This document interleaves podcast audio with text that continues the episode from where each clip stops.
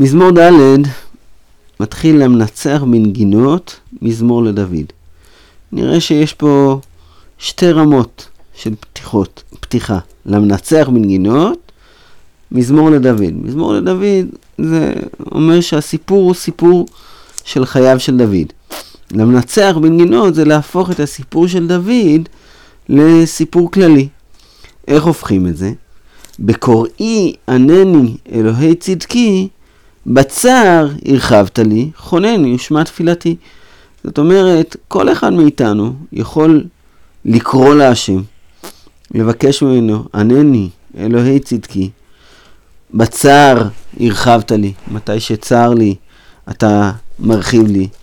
בבקשה, תחון אותי, תשמע את התפילה שלי.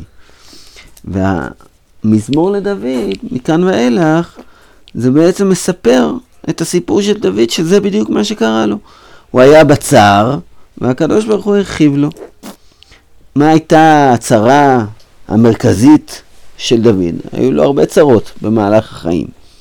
אבל הצרה הראשיתית שלו הייתה בני איש, אדמי כבודי לכלימה, תאבון ריק, תבקשו חזב סלע. זאת אומרת, יש פה איזושהי פנייה למי שכתוב עליו שהוא איש, ואנחנו פונים עכשיו לבני איש, אדמי כבודי לכלימה. כשיונתן, הבן של שאול, לא האמין לדוד שבאמת אבא שלו מחפש אותו, בסוף הוא אומר, הכלימו אביו. אדמי כבודי לכלימה. באמת, זה בני איש, אדמי כבודי לכלימה. עד מתי באמת הקדוש שאול, המלך, יחלים את דוד, יאהב ריק, יבקש חזב, סלע. זה, אלה הדברים שהוא מבקש למצוא בו. ודעו כי יפלא אדוני חסיד לו, אדוני ישמע בקוראי אליו. ריגזו ואל תחטאו. אמרו בלבבכם על משכבכם ודומו סלע.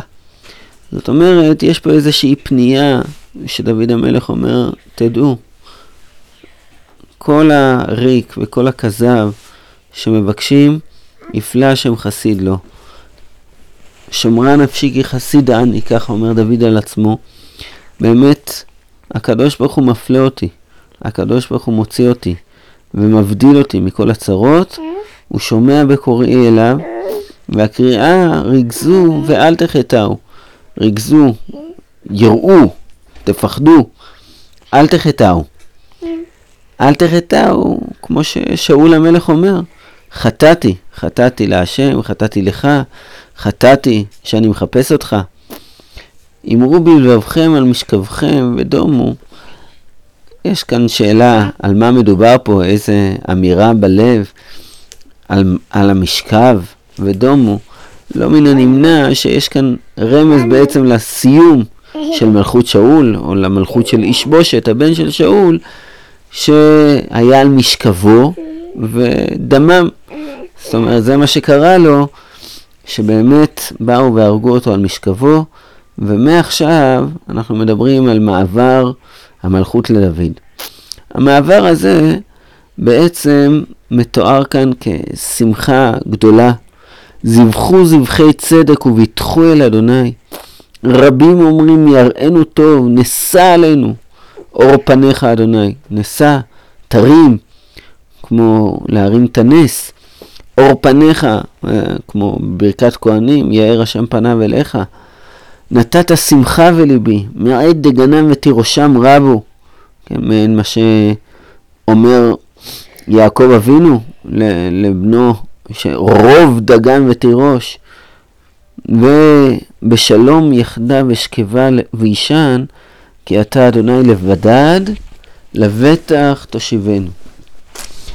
נראה שכל החלק הזה בעצם מתאר את המלכות של דוד, או את דוד במלכותו בצורה מלאה, אתה השם לבדד, לבטח תושיבני.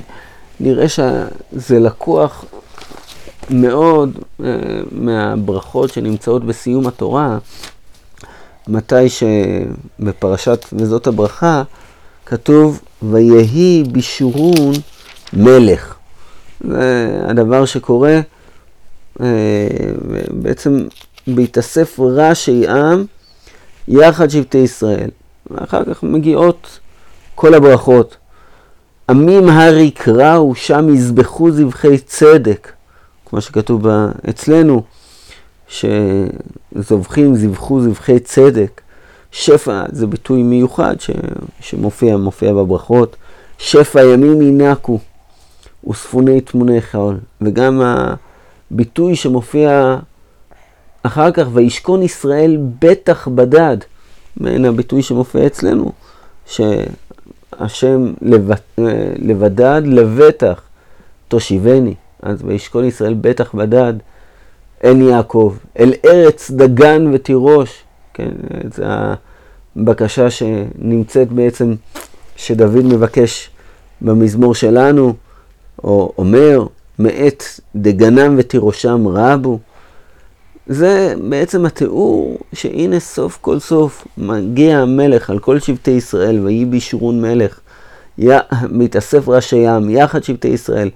המלוכה הזאתי שמופיעה עם כל הברכות, שמופיעות פה ברכות לעם ישראל, לעם כולו, עד שהוא שוכן לבטח, זה אשריך ישראל, שמופיע בפרשת וזאת הברכה, ואתה על במותיהם ותדרוך כל האויבים יפלו. אז למעשה התיאור שמופיע כאן הוא תיאור של דוד הבורח, דוד הנכלם, דוד שנמצא מתחת מלכות שאול, ובסופו של דבר איך שבאמת דוד מקבל את המלוכה, והשם מאיר פניו אליו, ויש שמחה, שמחה בליבו מאת דגנם ותירושם רבו, ושלום יחדיו השקיע והישן.